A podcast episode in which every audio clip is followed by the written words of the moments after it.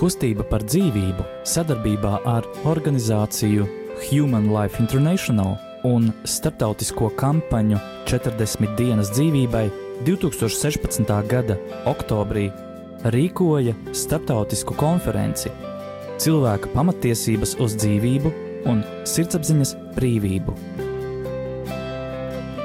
Ierakstus no šīs konferences tagad ir iespējams dzirdēt arī Radio Marija Latvija ēterā.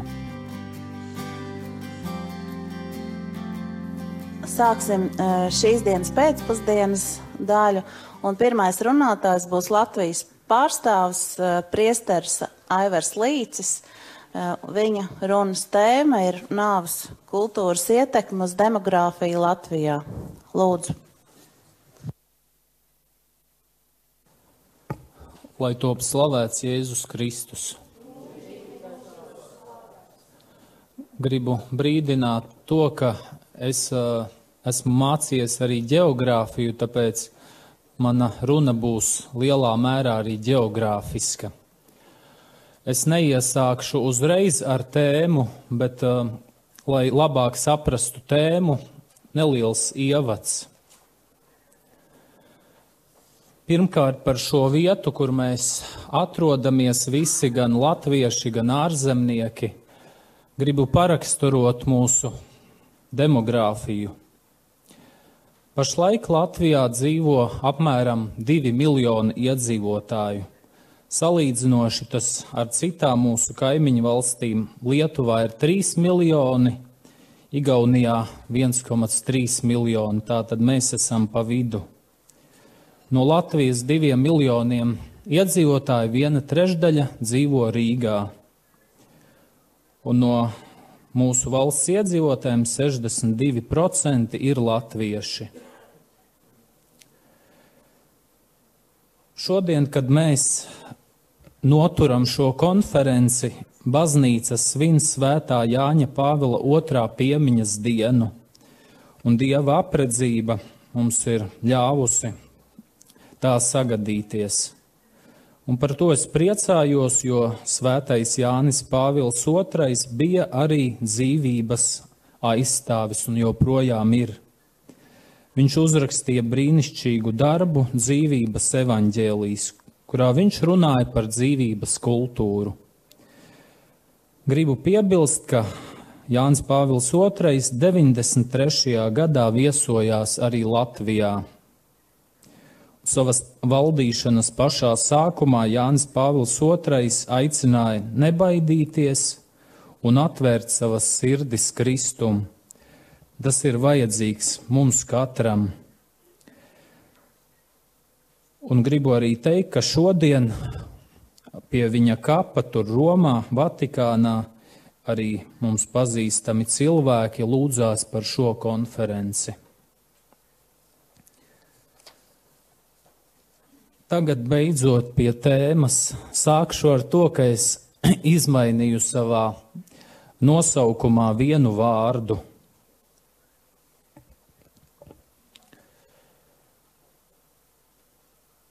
Es to nolēmu izdarīt un uh, nosaucu nevis nāves, bet dzīvības kultūras ietekme uz Latvijas demogrāfiju. Tātad manā uzrunā būs pārsvarā par mūsu valsts situāciju šajā jomā, par dinamiku un par tiem faktoriem, kas to ietekmē.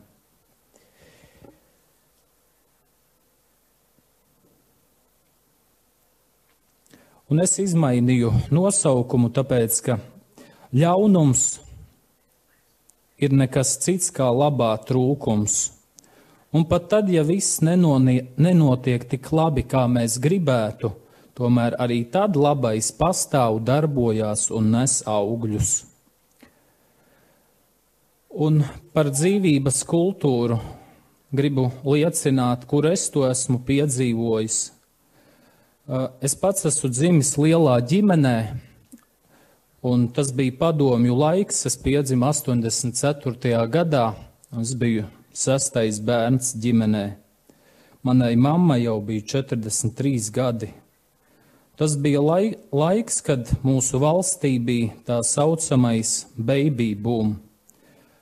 bija daudz bērnu dzima, bet tajā pašā laikā visizplatītākā dzimstības kontrolas metode bija aborts. Tāpēc pateicos manai mammai, ka viņa laida pasaulē visus ieņemtos bērnus. Pateicos arī brāļiem un māsām, kas par mani rūpējās.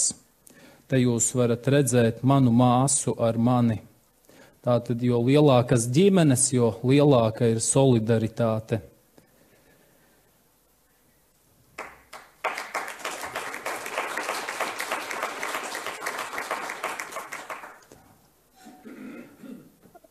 Tagad sākšu par dzīvības kultūru. Tā sakņojas faktā, ka Dievs ir dzīvības avots un arī dieva pavēlē, par kuru mēs lasām radīšanas grāmatas pirmajā nodaļā. Tur teikts, ka Dievs pēc radīšanas svētie vīrieti un sievieti un sacietiem augļojieties un vairojieties, piepildiet zemi. Šī dieva un dabiskā kārtība paredz, ka cilvēki vairojās, izplatās pa zemi un apdzīvo dzīvei piemērotos apvidus. Tam, protams, var būt dažādi šķēršļi. Sekojot šai dieva kārtībai, pasaules iedzīvotāju skaits pēdējo simts gadu laikā ir vairāk kārt pieaudzis no 1,8 līdz 7,3 miljardiem. To redzat zaļos stabiņus. Arī Eiropas iedzīvotāju skaits pēdējā laikā, pēdējo simts gadu laikā ir pieaudzis ne tik daudz kā pasaules, no 330 uz 740 miljoniem. Protams, pēdējā laikā imigrācijas iespaidā vairāk. Savukārt trešais stabiņš parāda to tendenci, kas ir ar Latvijas iedzīvotājiem – Un interesanti, ka pirms simts gadiem mūsu valstī dzīvoja vairāk iedzīvotāji nekā tagad. Pirms Pirmā pasaules kara tie jau bija 2,5 miljoni.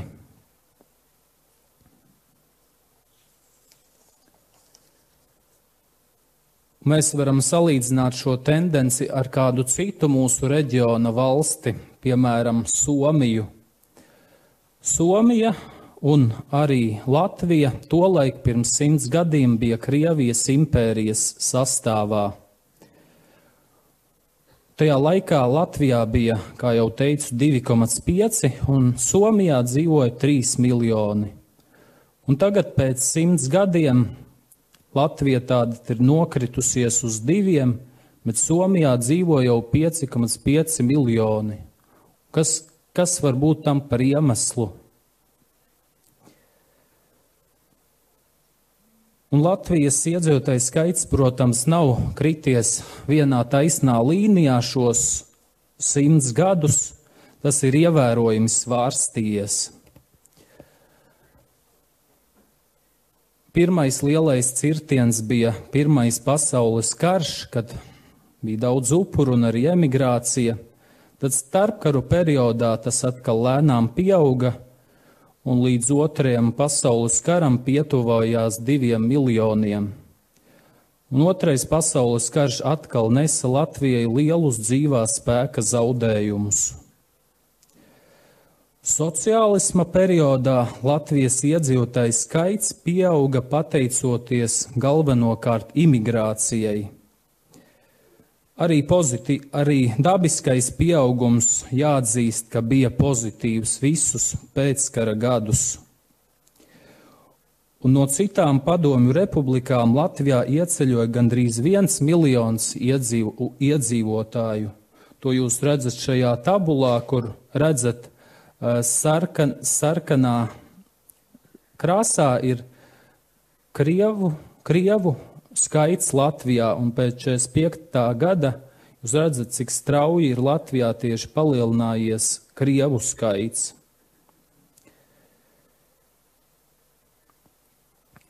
Un līdz ar to savu maksimumu Latvijas iedzīvotāju skaits sasniedza 1990. gadā, pirms Padomju Savienības sabrukšanas, redzat šo kalna virsotni un tie jau bija gandrīz 2,7 miljoni. Lielas pārmaiņas, jeb liels kritiens bija pēdējos 25 gadus. Un šajā laikā Latvijā ir vērojama parādība, kas saucās depopulācija. Latvija ir zaudējusi vienu ceturdaļu iedzīvotāju no, no tiem 2,7 uz 2 miljoniem tagad. Un kopā ar Bulgāriju tā ir lielākā depopulācija pasaulē. 60% no zuduma veido migrācijas negatīvā bilance, savukārt 40% veido negatīvais dabiskais pieaugums. Un tagad paraksturošu šos divus faktorus.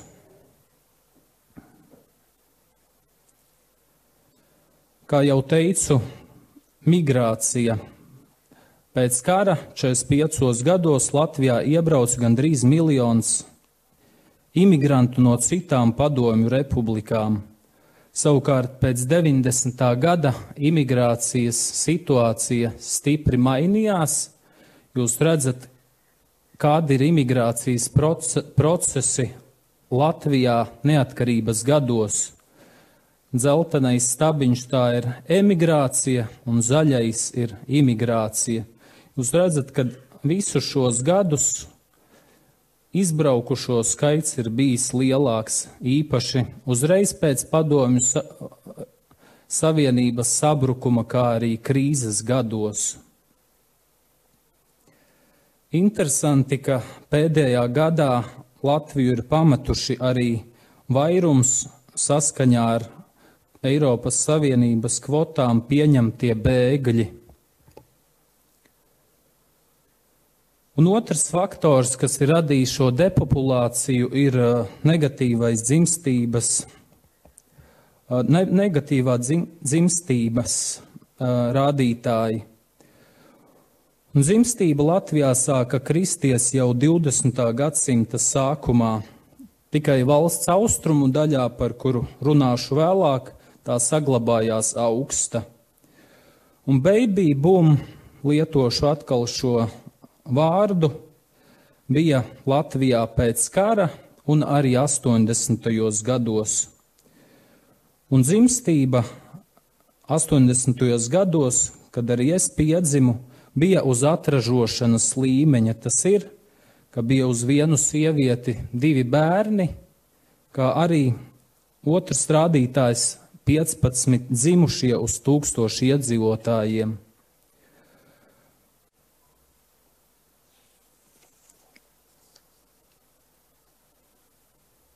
Un šajā tabulā jūs redzat to, kas notika jau brīvības, neatkarības laikos.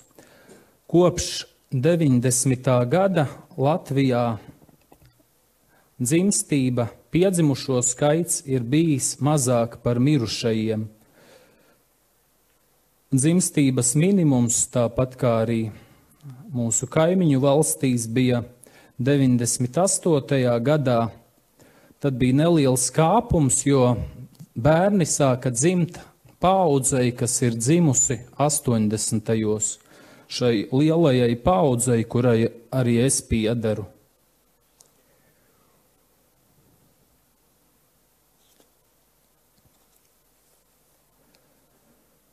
Un tagad par Latvijas pamats iedzīvotājiem, latviešiem.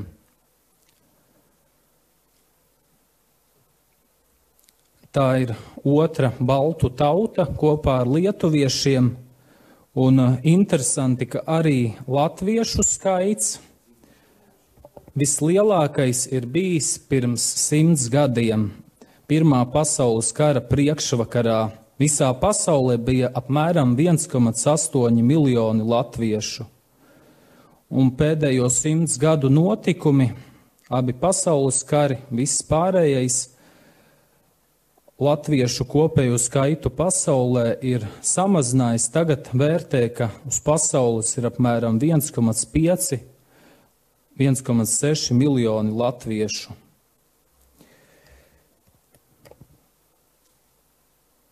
Arī tieši Latvijas teritorijā dzīvojošo latviešu skaits vislielākais bija pirms otrā pasaules kara, kad tas tuvojās 1,5 miljoniem, un tad karš iecirta robu, un līdz 89. gadam tas atkal bija pieaudzis līdz,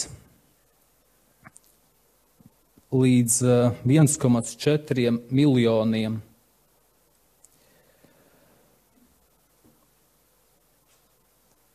Pēdējos 25 gados ir bijis negatīvais dabiskais pieaugums, kas, kura dēļ tagad Latvijā dzīvo no 2 miljoniem iedzīvotāju 1,2 miljoni ir latviešu.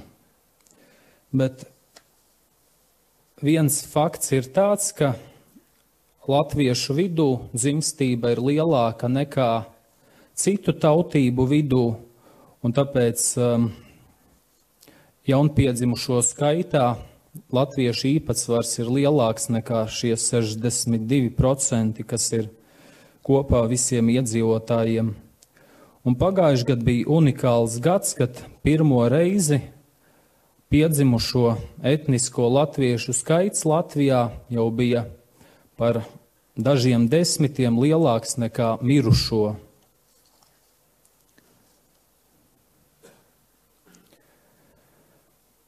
Un tagad gribu uh, arī vēl specifiski par kādu dzīvības kultūras tādu šūpuli Latvijā, un tā ir mūsu austrumu reģions Latgale. Līdz pat 50. gadiem dzimstība tur bija au, visaugstākā Latvijā, jo tur bija Daļai tas bija tāpēc, ka bija katoļu baznīcas ietekme. Tas bija vienīgais, nu, kur bija katoļu ticība, pamat, pamat ticība. Un uh, jau starpkaru periodā latviešu skaits pieauga tikai tāpēc, ka Latgalē bija lielāks šis pieaugums, jo Pārējā Latvijā jau dabiskais pieaugums jau bija nokrities līdz nullei. Un padomju periodā no šī reģiona Latgales, kas bija pirms kara visbiezāk apdzīvotākais Latvijā, notika emigrācija uz pārējiem Latvijas novadiem un pilsētām. Un tā ir zināma dieva apredzība, jo tādā veidā ne tikai pieauga latviešu skaits, tur, kur bija rusifikācijas draudi, kur, kur latviešu īpatsvars bija ļoti nokrities, bet arī izplatījās katoļu ticība pa visu Latviju. Un arī es, lai gan esmu ar luteriskām saknēm, mani vecāki ir luterāņi, es kļuvu par katoli tieši šo katoļu kopienu iespaidā. Un pašai latgalei tas tomēr maksāja ar daudziem izzūdošiem ciemiem, un arī ar to, ka mūsdienās Latgale ir novads, kur ir vismazākais pamatnācijas uh, īpatsvars. Tagad par uh, vienu arī dzīvības kultūru skarošu tēmu, un tas ir par abortu likumu Latvijā, par tā attīstību. Var teikt, ka līdz 33. gadam aborts Latvijā bija nelegāls. Un um, jau tajā laikā bija tāda spiediens uz legalizāciju, un tad uz diviem gadiem, 33. gadā, likums tika liberalizēts un tika pieļauts aborts sociālu apstākļu dēļ, jeb tā saucamā sociālā indikācija. Un likums, kurš pieļāva abortus sociālu iemeslu dēļ, bija reta parādība tā laika Eiropas likumdošanā. Tas bija viens no li liberālākajiem likumiem Eiropā. Bet situācija mainījās Kārļa Ulmaņa, Latvijas vadoņa valdīšanas laikā, jo viņa laikā aborti tika ar likumu stingri ierobežoti. 35. gadā atcēla sociālo indikāciju, bet kopš 37. gada abortu varēja veikt tikai ar īpašu eigēnikas komisijas atļauju. Pēckara gados Latvijā līdz 55. gadam bija spēkā Staļina pieņemtais 36. gadā abortu aizlieguma likums. 55. gadā šis aizliegums visā PSRS teritorijā, tā skaitā Latvijā, tika atcelts legalizēja abortu līdz 12. grūtniecības nedēļai pēc sievietes vēlēšanās, bet ja grūtniecība apdraube, apdraudēja sievietes dzīvību vai veselību jebkurā grūtniecības laikā. Un padomju likums, kā jau Joz, Jozefs savā referātā arī minēja, viņš bija spēkā un var teikt, ir spēkā līdz mūsdienām. Jo 2002. gadā pieņēma tā saucamo seksuālās un reproduktīvās veselības likumu, kurš, kura 25. pantā bija runa par abortu atļaušanu. Un tas īpaši neatšķīrās no padomju laika likuma, jo tāpat bija Tas paredzēja pēc sievietes vēlēšanās abortu līdz 12. grūtniecības nedēļai.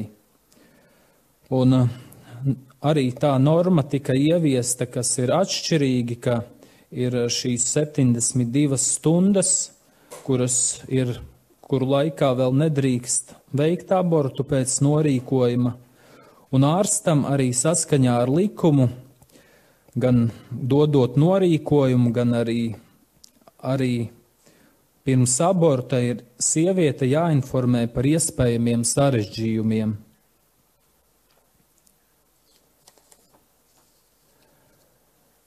Savukārt medicīnisko indikāciju dēļ aborts var, var teikt vairs nebija tik liberāls kā padomu laikā, jo tas ir saskaņā ar tagadējo likumu pieļaujams līdz 24. grūtniecības nedēļai.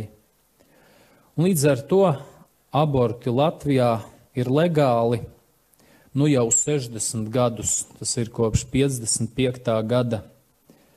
Tas ir mazāk nekā bijušajā PSRS, kur abortus legalizēja jau Ļeņins 20. gadā, bet ilgāk nekā rietumos, kur abortu legalizācijas vilnis vēlās pāri Vēlāk tas ir 70. un 80. gados. Līdz ar to ar visām šīm aborta negatīvajām sekām mūsu tautieši, mūsu valsts iedzīvotāji ir skarti mazāk paudzes nekā austrumos, bet vairāk paudzes nekā rietumos. Tagad par uh, par to, ko statistika uzrāda par abortiem. Ir pieejami mākslīgo abortu statistika tikai kopš 91. gada, bet eh, ir zināms, ka, kā jau teicu, padomu laikā aborts bija ļoti plaši izplatīta dzimstības regulēšanas metode, un ja tolaik dzima relatīvi daudz bērnu, tad tikpat daudz, ja ne vairāk, bija arī abortu. Un uh, neatkarības periodā abortu skaits ir krities no 39 uz 5 tūkstošiem. Tas, protams, varētu neatainot reālo ainu, kā jau to teica dakteris Gins. Un uh, līdz 99. gadam tieši tāpat kā Igaunijā abortu skaits pārsniedza dzemdību skaitu. Un uh, nu jau, nu jau gadus 16 dzemdību skaits ir lielāks, un 2015. Uh, gadā uz 100 dzimušajiem bija 22 aborti Latvijā. Igauņu kolēģis bija uzskaitījis, cik, cik ir bojā gājuši bērni visā šajā laikā kopš 55. gada, 56. bet uh, es varēju uzskaitīt tikai tos bērnus, kas ir saskaņā ar statistiku gājuši bojā no 91. gada, un tie ir kopā 409 tūkstoši mākslīgu abortu. Tas nozīmē, ka bērnu reāli vairāk. Un izējot no šīs statistikas, nāk prātā mūsu godināmā bīskapa Boļeslava Sloskāna vārdi. Viņš bija tas, kurš bija uz savas ādas izbaudījis gulagu starpkaru periodā. Viņš teica, ka latviešu tauta varēs pastāvēt vienīgi kā ticīga tauta ar augstu morāli, kāda ir bijusi mūsu tautai cauri gadu simtiem. Ne ienaidnieki iznīcina tautu, bet tauta pati sevi iznīcina, kad morāle pagrimst. Bet jāsaka, lai arī varam teikt, kad ir demogrāfiska krīze, arī dzīvības krīze, tomēr tā ir iespēja atspērties. Un uh, lai šī situācija, kas mums tagad ir Latvijā, un arī Eiropā kļūst par iespēju atgriezties pie dzīvības avota un pie dzīvības kultūras. Tas arī viss. Izskanēja ieraksts no starptautiskās konferences Cilvēka pamatiesības uz dzīvību un sirdsapziņas brīvību, kas notika 2016. gada oktobrī.